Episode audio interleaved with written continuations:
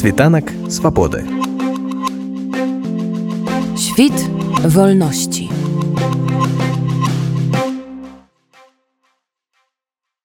Акцыю арганізавала суполка БХД ў варшаве. Гэта ўжо не першая акцыя па гэтай тэме і яны будуць працягвацца. Пра мэты акцыі распавядае арганізатар прадстаўнік БХД Яўген Дудкін. Насамрэч акцыя мае на мэце гэта вызваленне палітычных вязняў і таксама прызнанне беларусі акупаванай. З мэту таго каб у мірны дамой паміж украінай рассіяй быў пункт аб вызваленні беларусі дэакупацыі беларусі. Сёння ўжо другі дзень як мы тут праводзім штотыднёвую акцыю. Мы дагэтуль таксама назіралі за тымі павесткамі тымі пытаннямі які казалі нашы палітыкі аміта і зенсты саш пазняк і павел палыш латушка і іншыя палітыкі якія казалі про тое што якраз таки трэба прызнаваць быў акупаваны про тое што трэба вызаць наперсю палітвязняў да.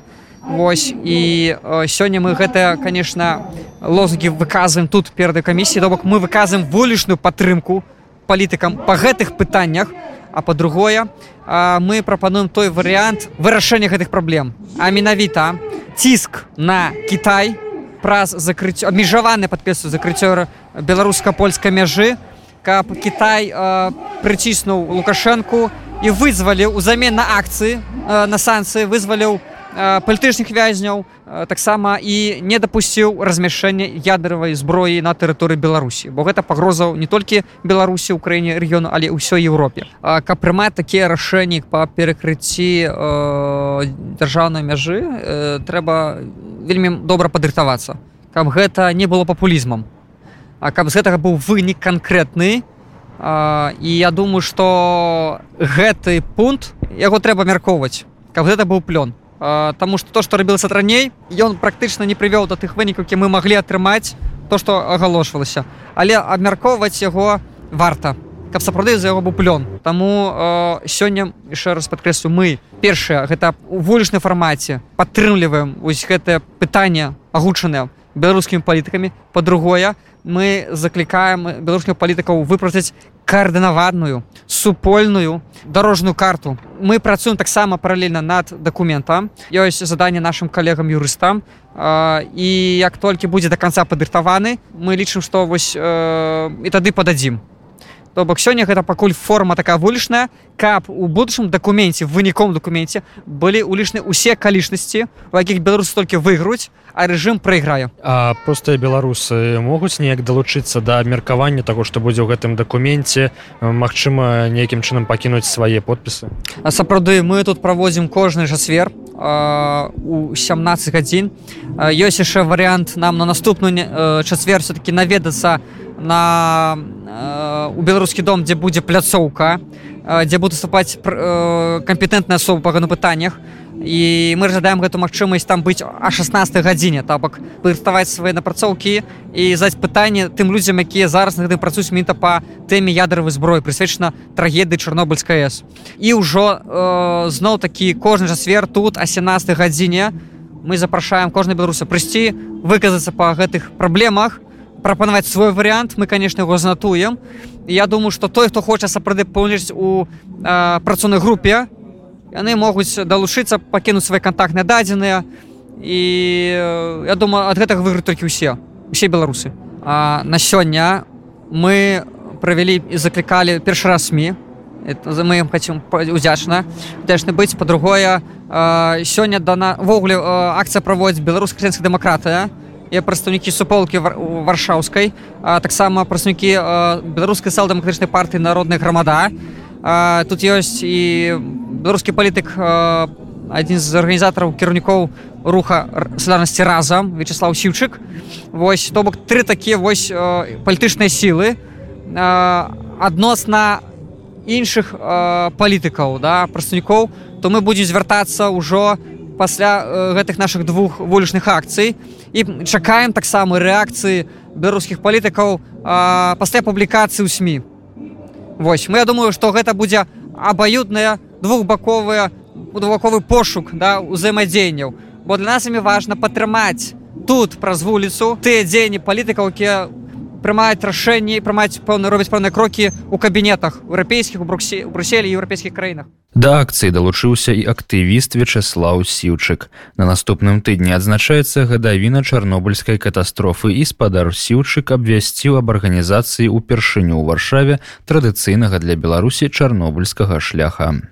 Ну, это уже традыцыйная акцыя якая была ініцыявана з полкай бхд варшаве да якой я таксама далучыўся да гэтай акцыі бо Ее галоўная мэта это вызваление беларускіх палітвязняў потому что вы ведаеце что тысячи беларускіх палітвязняў сёння в турмах і нават калі мы з вами размаўляем в гэты дзень таксама кагосьці беларусі на вялікі жаль арыштавалі і на вялікі жалі сёння зноў-таки з'явяцца новыя палітвязні як это было штодзень на працягу уже амаль што трох гадоў Таму вялікі дзякую і персанальна Евгену дудкіна які ініцыяваў гэтую акцыю тым людзям якія прыходзяць на гэтую акцыю Ну справа тым што па-першае гэта не ёсць нейкая лакальная праблема як я уже казаў беларускія палітвязні.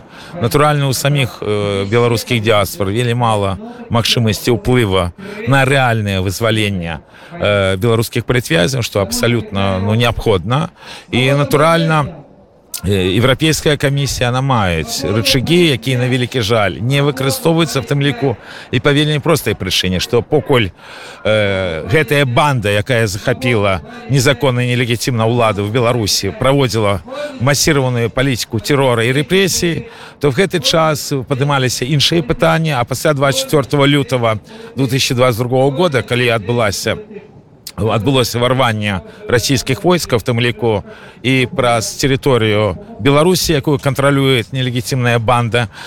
То натуральна варунку уже шырокамасштабнай расійска-украінскай войны на вялікі жаль тэма беларускіх палітвязняў она тышла на, на летні на маргенез таму абсалютна відавочна што трэба пікетаваць еўрапейскую камісію трэба звяртаць не только звяртаць іхнюю увагу на эту страшную катастрофу катастрофу якая в беларусі прыватнасці на наяўнасць тысяч беларускіх палітвязняў але ж і даваць канкрэтныя патрабавання то ж самае что напрыклад як беларусы варшавы месяц тому назад зрабілі пісьмова звярнуўшыся да прэзідэнта польльши анджея дуды асабліва улічваючы что польша в адрозне ад іншых краінаў яна занята праблемамі палітвязям і это звязана і з тым что под рэпрэсіі трапіл і звёнзак палякаў беларусі і тое что там вельмі магутная антипольская пропаганда зараз незаконным режимом проводится.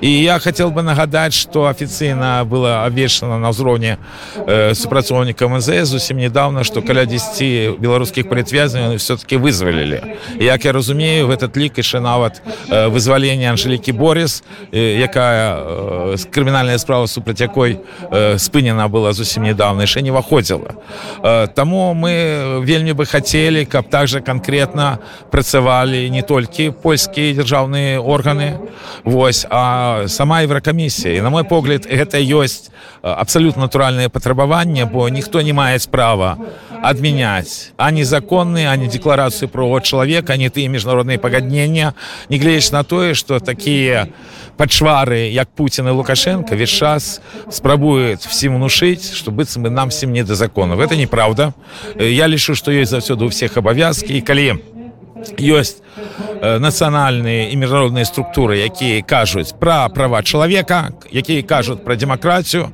то это есть іхні абавязак дамагацца вызвалення беларускіх прыцвязняў сёння на гэтай акцыі я буду прасіць зрабіць выключэнне каб наступным тыдні яна не адбывалася хотя она регулярная буду запрашаць всех удзельнікаў на адкрытую пленарную дыскусію на ядерная экспансія России в цене Чернобыля новый выклик для Европы.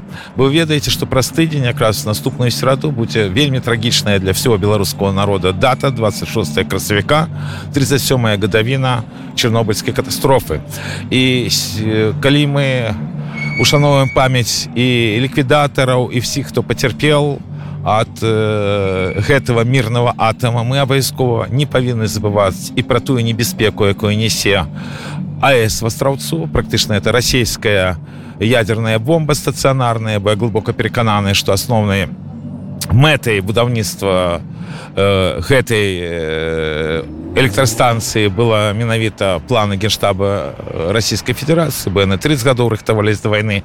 І третья страшная праблема якая была абвешана менавіта на дзень волі беларускі э, Пуціны в Москве это тое что тактычная ядерная зброя может быть на территории Республики Беларусь что вельмі робіць страшным всю ситуацию в нашем регионе. Таму я буду запрашаць удзельнікаў этой акции на менавіта на эту дыскусію Ну і так таксама буду запрашаць на чорнобыльскі шлях які сёлета впершыню будет адбывацца варшаве. І его будут праводзіць не толькі беларусы это будет белару беларуска-украінска-польскі марш тому что адным из соорганізатараў афіцыйна этого мерапрыемства будет вельмі вядомая арганізацыя украінская дыаспоры евромайдан варшава Таму а 18 гадзіне ад помніка каперніка вот пачнецца впершыню в гісторыі варшавы чорнобыльскі шлях 2023 а, вось акц... які маюць лозунг не ядернай зброі беларус світанак свабоды.